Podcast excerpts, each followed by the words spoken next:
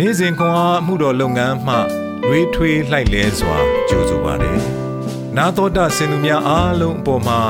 ဖះရှင်ရဲ့ညီသက်ခြင်းနဲ့ကျေးဇူးတော်အပေါင်းတက်ရောက်တည်ရှိနေပါစေလို့ဆုမွန်ကောင်းတောင်းလိုက်ပါတယ်။ဇန်နဝါရီလ2ရက်အင်္ဂါနေ့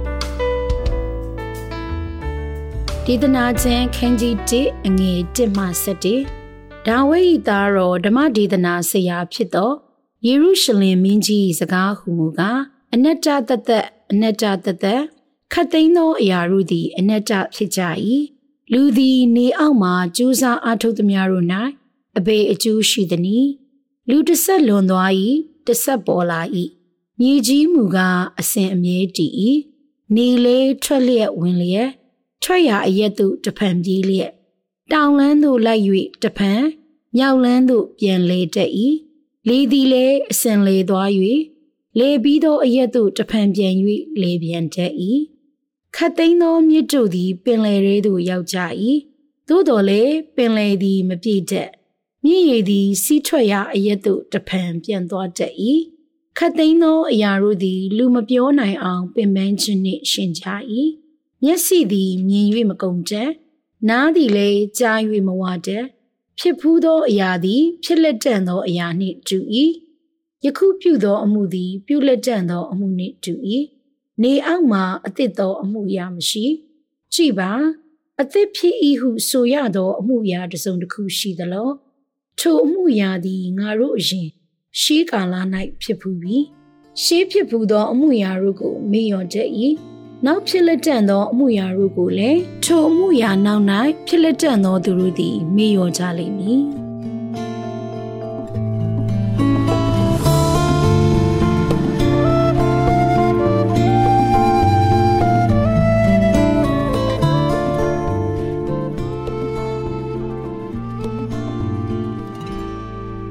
နေလဲထွက်လျက်ဝင်လျက်ရှိ၏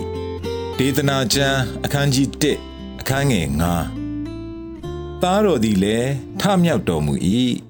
။ Ernest Hemingway ၏ပထမဆုံးထုတ်ဝတ္ထုရှည်တဲ့တွင် ပထမကဘာစစ်ဒဏ်ကို မကြာမီကခံခဲ့ရသော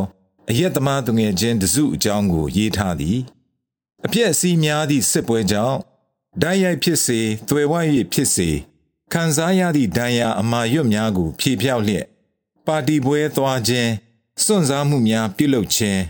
နေရာအနှံ့သွားရောက်အနားယူကြသည် အမြဲပင်အရက်သေးစာဖြင့်နာကျင်ခံစားမှုများကို ဖြေဖြောက်စေတော်လဲ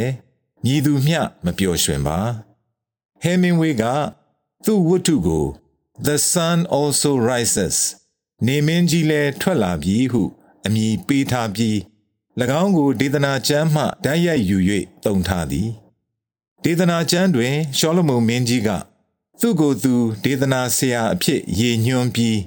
ခတ်သိမ်းသောအရာတို့သည် အနတ္တဖြစ်ကြသည်ဟု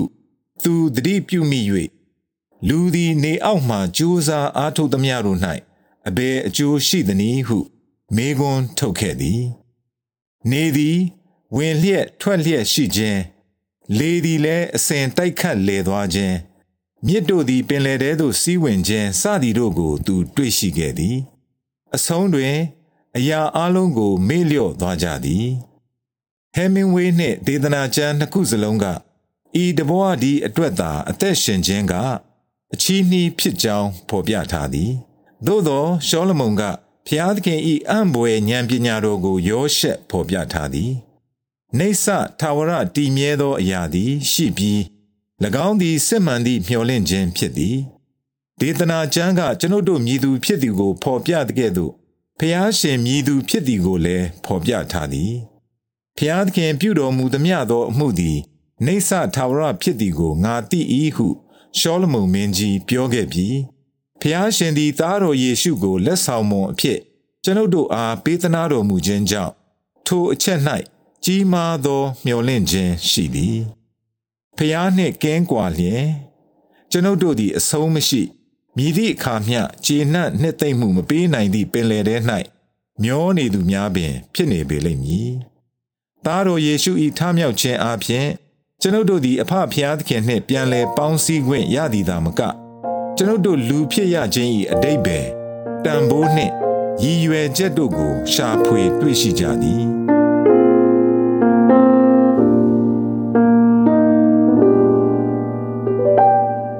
သင်၏အချိန်များကိုမြည်သည့်အရာကစိုးမိုးနေပြီး၎င်းသည်မြည်သည့်အတိတ်ပဲဆောင်သည်။သခင်ယေရှုနောက်တော်သို့လိုက်လျှောက်နိုင်ရန်သင်၏ဦးစားပေးမှုကိုမြည်သို့ပြောင်းလဲနိုင်မည်နီဆုတောင်းကြစို့မေတ္တာတော်ရှင်အဖဖျားကိုယ်တော်၌ခြေနှက်ပြေဝမှုကို တွေးရှိခံစားနိုင်ရန်ကူညီမဆတော်မူပါသခင်ယေရှုနာမတော်၌ အာမင်နေ့စဉ်ခွန်အားကို နာတော်တာဆင်သူအားလုံးဘုရားသခင်နှုတ်ပတ်တော်မှဉာဏ်ပညာတော်များကိုရရှိပိုင်ဆိုင်လျက်ပုံမပြည့်စုံကြွယ်ဝသောဘဝအသက်တာများဖြစ်တည်နိုင်ကြပါစေ။